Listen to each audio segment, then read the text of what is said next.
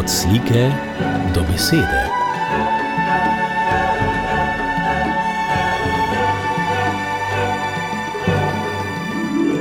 Od slike do besede.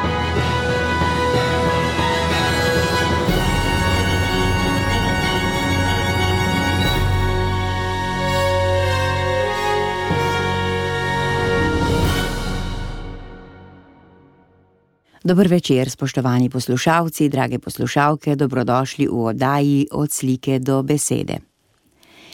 Redko kateri veliki avtor je imel srečo, da je bil kak njegov učenec tako sposoben in se je tako zvesto poglobil vanj, kakor to velja za Viktorja Frankla in njegovo učenko Elizabet Lukas. Lukasova je ena najplodnejših svetovnih avtoric področja logoterapije in preventivne strokovne pomoči pri smiselnem usmerjanju in razvoju samega sebe.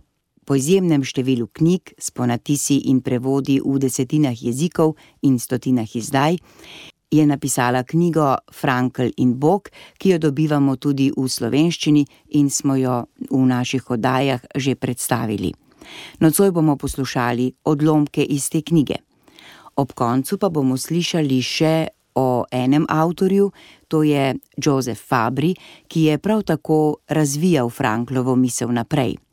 Naslov njegove knjige je Hoja za smislom in je išla pri celski mohorjevi družbi. Ob koncu oddaje bosta spregovorila tudi logoterapeuta dr. Jože Ramovš in dr. Sebastian Kristovič. Prav lepo vabljeni, spoštovani poslušalci, da se nam pridružite pri poslušanju oddaje. Franklova prilika o popku. Frankl je svoj pogled poudarjeno predstavil v priliki o popku. Če opazujemo človekov popek sam zase, tako Frankl, je videti, kot da ne opravlja nobene naloge, da je brez smisla. Funkcijo in smisel popka lahko razumemo le iz njegove predzgodovine, v našem primeru iz človekove zgodovine pred rojstvom. Popek je ostanek na človeku, pravi Frankl, ki priča, da človek izhaja iz materinega organizma, kjer je bil nekdaj varno spravljen.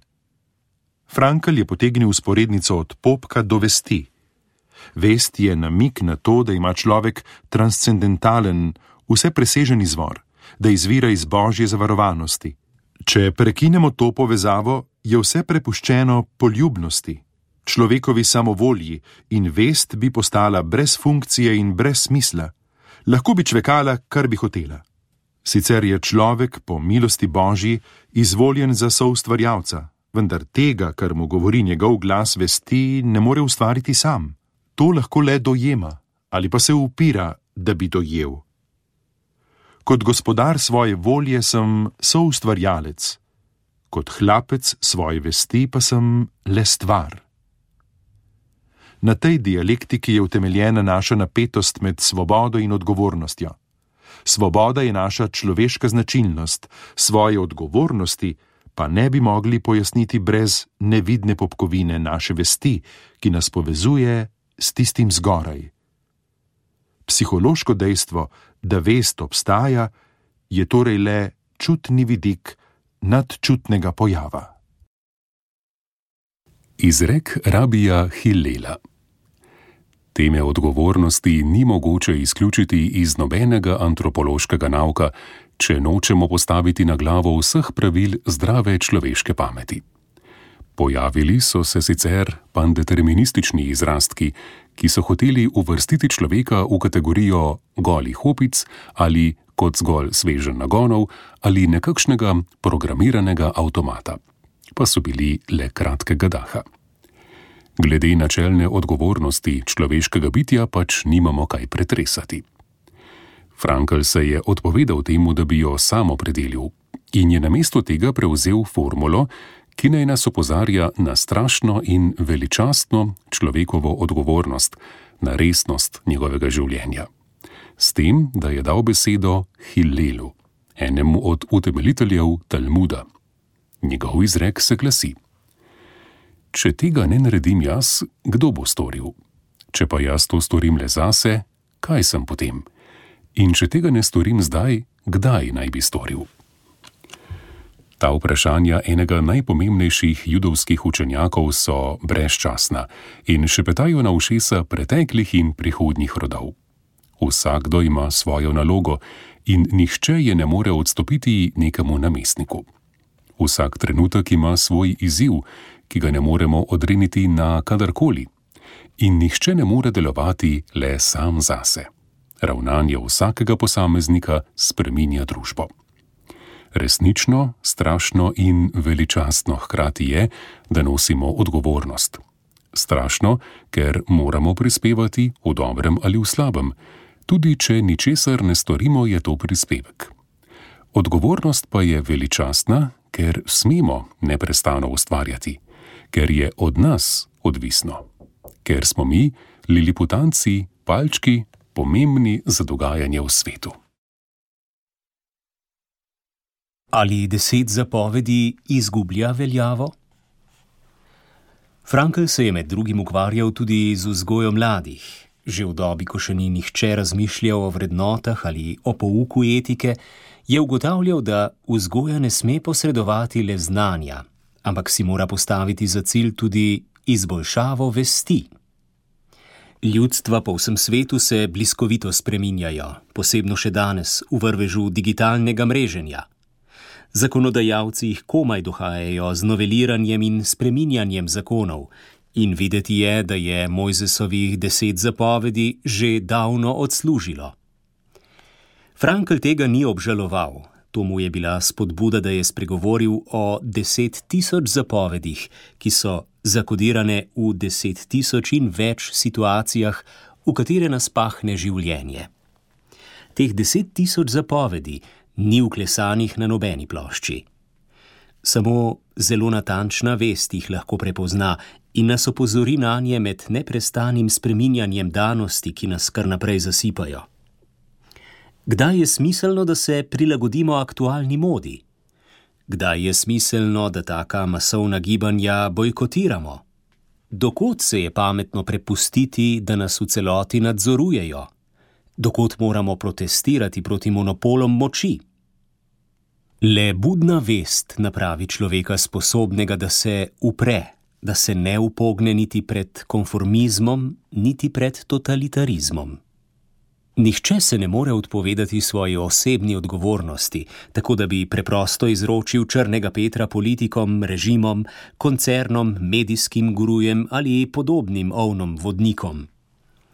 Seveda je radi učinkovitosti posameznika omejen, tudi znotraj tega radija zapovedi še vedno veljajo, ne glede na to, ali jih je deset ali deset tisoč. To, kar šteje, je zapoved te ure o tem pa nam govori naša lastna vest. Odgovoren, zakaj in pred kom?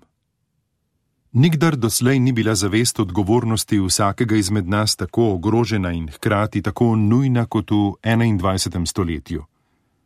Zakaj je tako ogrožena? Lovimo ravnotežje kot na gugalnici, ki nima ograje. Vse, kar nam je nekdaj služilo za orientacijo, naj je to pameten nagon našega bitja ali tradicionalna utesnjujoča pravila naših prednikov, vse se je po večini razlomilo. Že Frankl, ki je ljubil besedne igre, je posmehljivo zapisal, da mnogi njegovi sodobniki hočejo, kar delajo drugi, ali delajo, kar hočejo drugi. Skratka, le malo se jih prizadeva, da bi svoj življenjski vzorec oblikovali samostojno. Ta manira pa se nadaljuje. Postala je že tako zapletena, da ljudi sploh ne vznemirja več, saj se družba briga samo še za imeti. Čisto ob strani pa pušča biti. Tako da je posameznik zdaj že vesel, če jo lahko popiha v virtualne svetove ali kako drugače skomigne z rameni in se priključi toku. Glede tega razvoja se dozdeva Franklova trditev, da je človek odgovoren za izpolnitev nekega smisla, vsakokratnega smisla trenutka, kot osamev glas v pustinji. Frankl je sicer še dodal: Poleg zakaj obstaja še človekova odgovornost pred kom, ne glede na to, kako si posameznik to razlaga. biti odgovoren pred družbo, pred človeštvom, pred vestjo, ali sploh ne pred čem, temveč pred kom? Pred Bogom. Ta odgovornost, zakaj in pred kom, nas zgrabi neizogibno. Nikamor je ne moremo odložiti, z nobenim izletom v fantazijske svetove se je ne moremo otresti. Kolikor jasneje se tega zavedamo, toliko bolj se nam bližajo možnosti, da se vrnemo v človeka vredno prihodnost na zelenem področju, iz katerega smo, tako se nam zdi, pomotoma zdrsnili. Zadnja ali predzadnja instanca. Omenila sem, da je bil Frankl zadržan glede svojega verovanja. Zapustil nam je prej spoznanja kot izpovedi. Le na nekaj mestih je bralcem svojih spisov omogočil globji pogled v svojo vero. Tak je en odlomek o človekovi odgovornosti pred kom v preobleki vesti. Ali je naša vest resnično zadnja instanca, ki smo ji dolžni polagati račune, ali pa je morda le predzadnja? Frankl se je nedvomno odločil za drugo varianto, ker pa je bil ravno pri tem vprašanju, je takoj vprašal naprej. Če je naša vest predzadnja instanca, ali moramo osvetliti še zadnjo instanco? Tukaj, na tem mestu, pa je Frankl opustil svojo zadržanost. Da, moramo. Ta zadnja instanca ni katerakoli skrivnostna sila, prasila, kozmična energija. To je nekdo. Instanca brezpogojno dokončne, osebne strukture, in mi moramo biti zadnji, ki bi se bali to instanco, ta personalissimum, to najbolj osebno skrivnost, tako poimenovati, kakor ji je človeštvo že dalo ime. Bog. Majhen ostanek zadržanosti se kaže še v besedilu v staromodnem zapisu mi, s čimer je Frankl mislil sebe samega. Frankl je veroval v osebnega Boga, Bog, s katerim lahko govorimo, ki mu lahko rečemo ti, s katerim lahko navežemo intimen stik in ki smo pred njim odgovorni. Položaj homo religiozusa. Pacijenti so se obračali na Frankla kot na nevrologa v najrazličnejših potrebah, skrbeh in težavah. Med njimi so bili težko bolni, bolniki z najslabšimi prognozami. Po drugi strani so ga prosili za pomoč pacijenti, ki jim je šlo relativno dobro in na zunaj niso imeli nobenega razloga, da bi se pritoževali, pa so se vendar. Po statistiki, ki je ni vodil le Frankel, ampak tudi ameriški raziskovalci, trpi okrog 20 odstotkov duševno prizadetih oseb zaradi občutkov brezsmiselnosti, naveličanosti, bivanske praznote in brezperspektivnosti. Po mojih lastnih terapevtskih izkušnjah bi bil ta odstotek še višji. Pomagamo človeku, da doživi svojo odgovornost za izpolnitev svojih nalog. Kolikor bolj doživi svoje življenje kot nalogo, toliko bolj smiselno se mu bo zdelo. To osrednjo Franklovo izjavo lahko le potrdim. Če človeku najdemo nalogo, ki mu je pisana na kožo, ustreza njegovim sposobnostim in koristi njegovemu okolju, se bo povrnilo veselje v njegovo življenje. Izpolnjevanje nalog pa je več kot krizni menedžment. Je kratko malo odgovor na vprašanje, čemu živeti, ki si ga vsakdo kdaj postavi in mora nam tudi odgovoriti. Nekateri, med njimi tudi Frankl, so v svoje odgovore vključili tudi transcendentnega naročnika. Frankl je videl v tem značilnost homo religiozusa. Ali obstaja nekakšen moralni nagon? Dejstvo, da človek smiselne naloge ne le more izpolnjevati, ampak jih tudi hoče izpolnjevati, da je namreč srečen le takrat, kadar se polnokrvno zauzame za nekaj, ker mu je pri srcu in dragoceno, je v cehu analitikov naletelo na razmislek, ali ne obstaja morda nekakšen nagon za smisel ali moralnost. Nagon, podoben spolnemu. Sicer manj izrazit in ne enako intenziven pri vseh primerkih človeške vrste, ki pa jo vendar temeljno motivira. Frankl je temu odločno ugovarjal. Ko bi ustvarili nekaj smiselnega, predvsem zato, da bi potešili svoj nagon po smislu, potem nam sploh ne bi šlo za stvar samo. Partnerja, naprimer, sploh ne bi podpirali zaradi njega samega, otrok ne bi vzgajali zaradi njih samih, neke skladbe ne bi izvedli zaradi glasbe. Namen vsega bi bil usmerjen nazaj na nas same. Vse bi bilo le sredstvo za pridobivanje ugodja preko potešitve nagona. Tudi moralno ravnanje bi bilo preračunljivo dejanje namenjeno naši lastni koristi. Toda dober človek ni dober zaradi čiste vesti, ampak zaradi nečesa, nečesa dobrega, zaradi ali na ljubo neki osebi ali pa Bogu.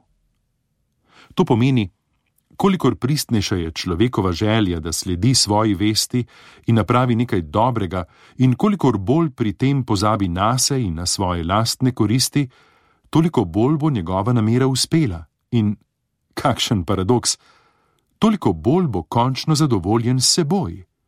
Zadovoljstvo, za katero si sploh ni prizadeval, pa mu bo navrženo. Božanska možnost napovedovanja.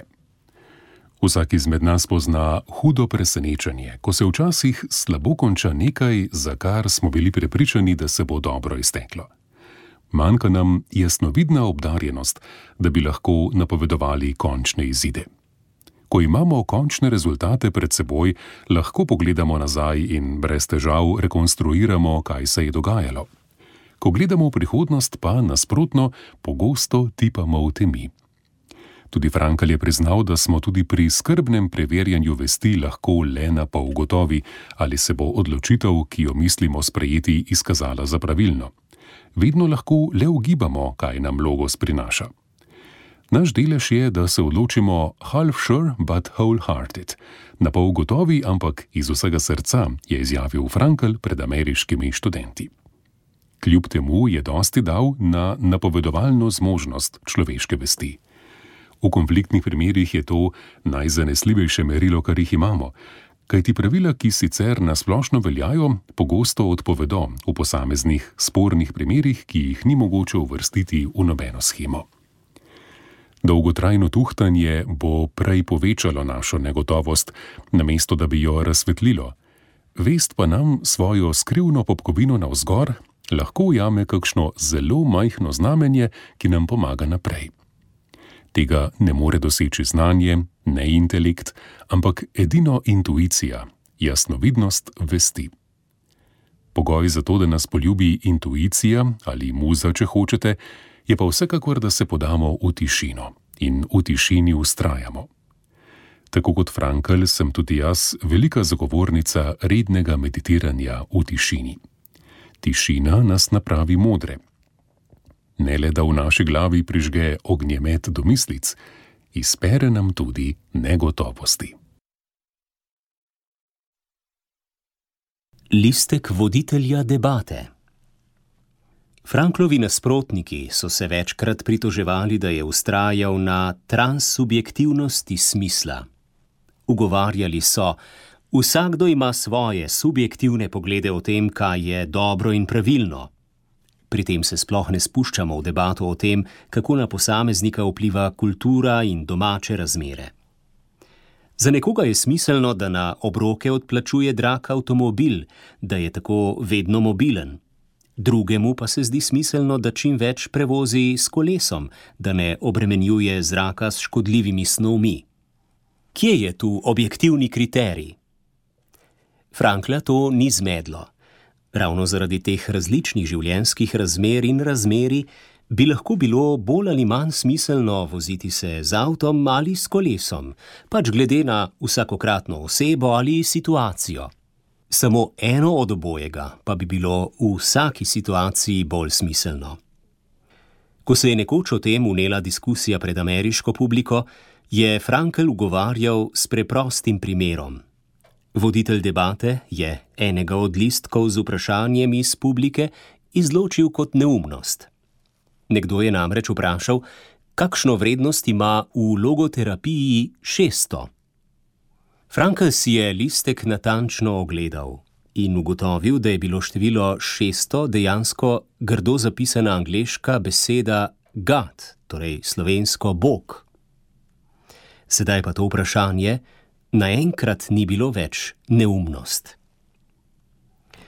Rad bi vas opozoril na dejstvo, da ti dve razlagi nista imeli enake teže, nasprotno. Pravilna je bila ena in edina med njima. Kdor je postavil to vprašanje, je imel v mislih edino in samo Boga. Tudi v našem življenju je smiselno zmeraj samo eno: Meaning is what is meant, torej smisel je tisto, kar je mišljeno.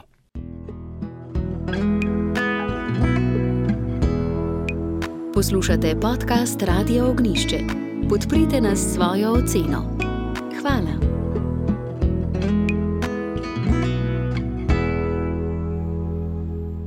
O misli Viktorja Frankla je v knjigi Hoja za smislom razmišljal tudi Jozef Fabri, o logoterapiji pa dr. Jože Ramovš. Ja, Fabri je američan, vendar je tako kot Frankl, Dunajčen in je jud. Samo da je šel v Ameriko tik pred tem edini, ki je preživel, tudi Fabri, druge so potem pobili in je potem ušel iz Avstrije, tik prej. Je pa še ena razlika s Fabrijem, pa Franklom. Frankl je bil zdravnik, psiholog, psihiater medtem ko Fabri bil pa po osnovni izobrazbi pravnik, advokat na Dunaju, vendar ga je pa vedno uh, veseli, veselil jezik, pa novinarstvo. Tako da v Ameriki je potem takoj, ko si v domaču po drugi svetovni vojni in kulturiral jezik, naučil bil novinar, prodoren novinar. Tako da tisto, kar dodaja uh, zbirki in vsem logoterapevskim knjigam, Fabrijeva knjiga, je res osnovna logoterapija za ameriškega človeka konec 60-ih let. To se pravi, takrat revolucija, prevrednotimo vrednote, seksualne ali kakorkoli je bila. Uh, za tega človeka je, je Fabri napisal logoterapijo zelo originalno. Ne malo originalno, kot je Frankl sam pisal, vendar pa tako da je interdisciplinarno pa človeku, izobražencu, pa tudi manj izobražencu. Trstenjak je rekel, da ne izobraženih ljudi, kadar gre za interes, ni, če pisec prav piše. Jih ni. Vsako knjigo, vsak razume, če ima interes, če je prav napisana. In Fabrija je prav napisana za tega ameriškega človeka, se pravi pred 55 leti, Vprašanje pa seveda, to smo imeli debato, ali je taka knjiga po 55 letih aktualna, danes tukaj, čas je šel pa od 68 let neskončno naprej, je. Zato, ker ta miselnost prevrednotenja vseh vrednot, izkorenjenosti, iz kulturnega izročila, iz vrednot, je pri nas danes v Evropi bolj živa, kot je bila 68 let na Sorboni v Parizu, ker je bila revolucija, ali pa v Ameriki tiš čas, ki je bila zelo. Zato je aktualna. Jaz sem bil zelo vesel. O tem, kako gleda na avtorje, ki pišejo o logoterapiji, razpravlja dr. Sebastian Kristovič. Uh, Ja, vidim jih tako, da imajo, eh, da delajo, eni so že naredili, eni pa imajo veliko nalogo, da Franklovo misel eh, prenesejo naprej in jo odkejo predvsem v svet znanosti in stroke. Mislim, da ravno tam najbolj manjka uh, ta, bi rekel, svetovni nazor, recimo na področju zdravstva, na področju medicine, na področju socialne gerontologije. recimo potem eh, dolgotrajna oskrba, palijativna oskrba, duhovnost v palijativni skrbi.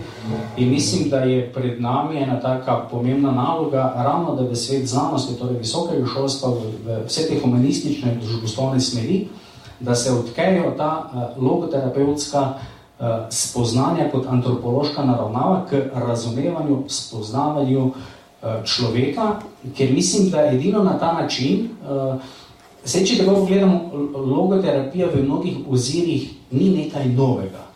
Mene Viktor Frankl večkrat spominja na Ignacija, na Ignacija Lojovskega, eh, ki ni naredil nekaj kot novega, ampak je pobral tisto smetanje. Jaz mislim, da brez teh spoznanj, ki jih prinaša predvsem eksistencialna analiza, ni možno v polnosti zagotoviti človekovega dostojanstva in človekovih pravic.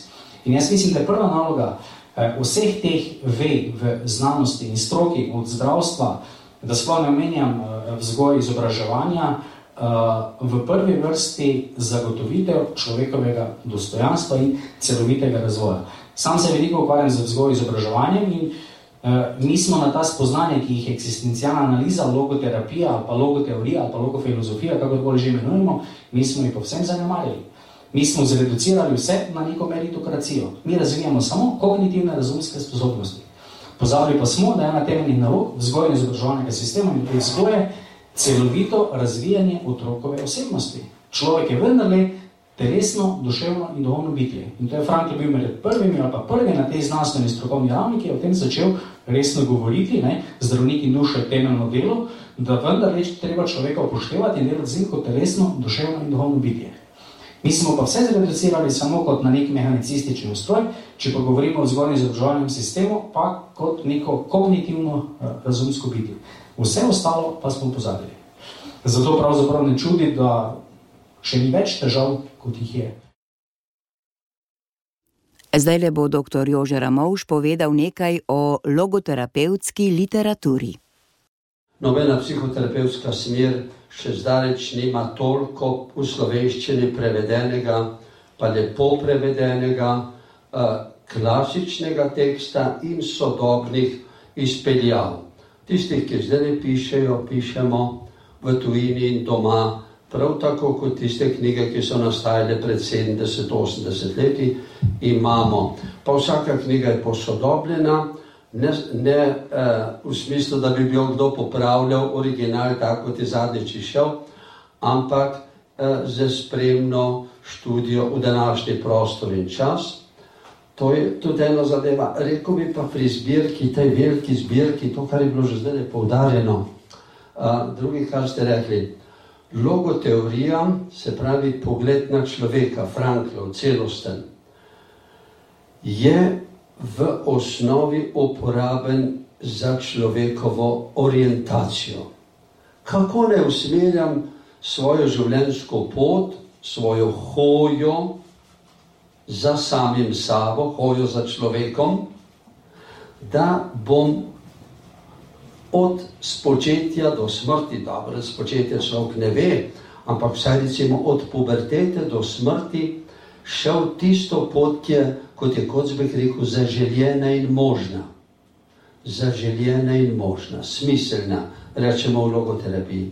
Tako da cel ta repertoar logoterapevtskih spoznanj, od Frankla pa do danes, pa tudi metodike, je uporaben, to, kar Sebastian vedno poudarja, pa je to bolj njegovo za vzgojo, za samo vzgojo, za oblikovanje mi temu rečemo antropohigiena.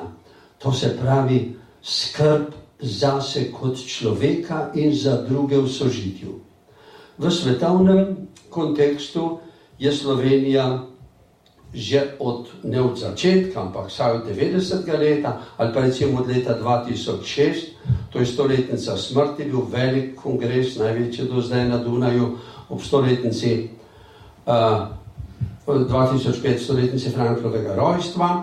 Takrat so nas povabili, da smo imeli plenarno predavanje o preventivi, o antropohigieni. To je naš prispevek. To se pravi, logoterapija je za vzgojo, za samooblikovanje, za sožitje, za sodelovanje v družini, službi in družbi zelo uporabna. Sveda pa Frankl bil psihiater, psihoterapeut. Zato je ta spoznanja in tehnike razvijal najprej za terapijo.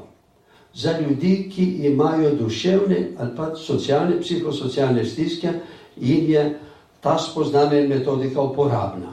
Je uporabna, ampak ni manj uporabna za preventivo in zato jo za preventivo navračamo. Nekatere knjige so slovenske, pravzaprav uh, striktno usmerjene v preventivo. Toliko morda v zbirki, jaz sem je vesel in sem tudi ponosen, na koncu koncev, gledajte, malo števil narod, dva milijona nasetljenja v mejah, uh, od teh enih dobrih 90% uh, smo osnovno šolo tukaj delali, avtohtoni in imamo zbirko, ki razen Nemcev nima noben narod.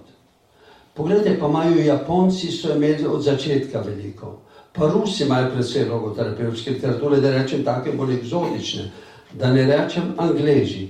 Vendar pa tako heterogene, pa popolne nimamo, tako da ne vem, kaj se bo še dalo dodati. So pa nekatere smeri, ki se jih pa nismo dotaknili, pa ne sodobne danes, ampak klasične. Recimo, eden od njih je bil še Majer, ki je na severu Nemčije imel uh, inštitut vse življenje v Hamburgu, pa je originalen Franklov učenc, protestantski pastor, tako kot Fabri v Ameriki. Originalen iz 60-ih let. In on je razvijal intuitivno logoterapijo, popolnoma nič racionalno. Istočasno kot Lukasova, še malo pred njo, vendar pa intuitivno, imaginativno, v slikah, v predstavljanju. Morda bomo v tej zbirki kdaj tudi recimo take čist druge smeri, ki na vides nimajo s to racionalno logoterapijo, ki jo ima Fabri, Frank, Lukasova, ki jih pa nas poznamo, ki je zelo drugačna. Pa je prav tako logoterapija Frankel imel Bešemarja prav tako rad kot Leslija. Ob koncu pa še Sebastian Kristovič, ki je opozoril na jedro logoterapije. Kaj tebi predstavlja smisel življenja? Mladi ne vedo. Danes je cele generacije, bi lahko rekli, iščejo, koliko jih reče, vse še iščejo, pa se mučijo, pa matrajo, pa dihajo, pa meditirajo, pa kaj vse človek počne. In to meni kaže ravno to, da je ta duhovna razsežnost pravzaprav izpraznjena in potem je človek zbegan in išče in prijema pač, kar se prijeti da. Logoterapija je pa tukaj tako egzaktna, tako jasna, da vsak človek, veren, neveren, znanstvenik, strokovnjak, preprosto kakorkoli že, reče, vse to drugače ne more biti, ker te zdravi. Mi še vedno živimo v času Freudove logike homeostaze. Pa pa meditiramo, da imamo notranji mir, pa da smo notranji uravnoteženi. Frankl pa pravi ne. Merilo duševnega zdravja je nova dinamika. To pomeni notranja razpetost med tem, kar mi v nekem trenutku paše in odgovarja, in kaj bi moral narediti. Mi imamo v življenju skozi neke vrednote, me vlečejo in kličejo, čemu sem klican na odgovor. Tam vidim profesor Kovača, ki zelo dobro pozna Emanuel Levinasa, ne? Eh, človek je tujec drugega, ne? tudi mi smo pravzaprav um, tujec sužen? Tudi mi smo pravzaprav narekovajo sužni smisla v narekovajo, kjer nas ne nekama kliče v ta odgovornost. Življenje nam daje vprašanja, naloge, izzive, mi pa na to odgovarjamo. In je v tem sodobnem času strokovno znanstveno področje smo že prej omenili, ampak tudi tako življensko, preventivno, izredno, izredno, izredno pomembno. Kje je sever, mi več ne vemo točno, kje je sever, kje je jug, kje je vzhod, kje je zahod. Kaj je v življenju prav in kaj ni prav. In tako, spoštovani poslušalci, drage poslušalke, smo prišli do konca oddaje. Pripravila in uredila sem jo Mateja Subotičanec, v tehnično pomoč mi je bil Boštjan Smole. Hvala za pozornost in lep večer še naprej.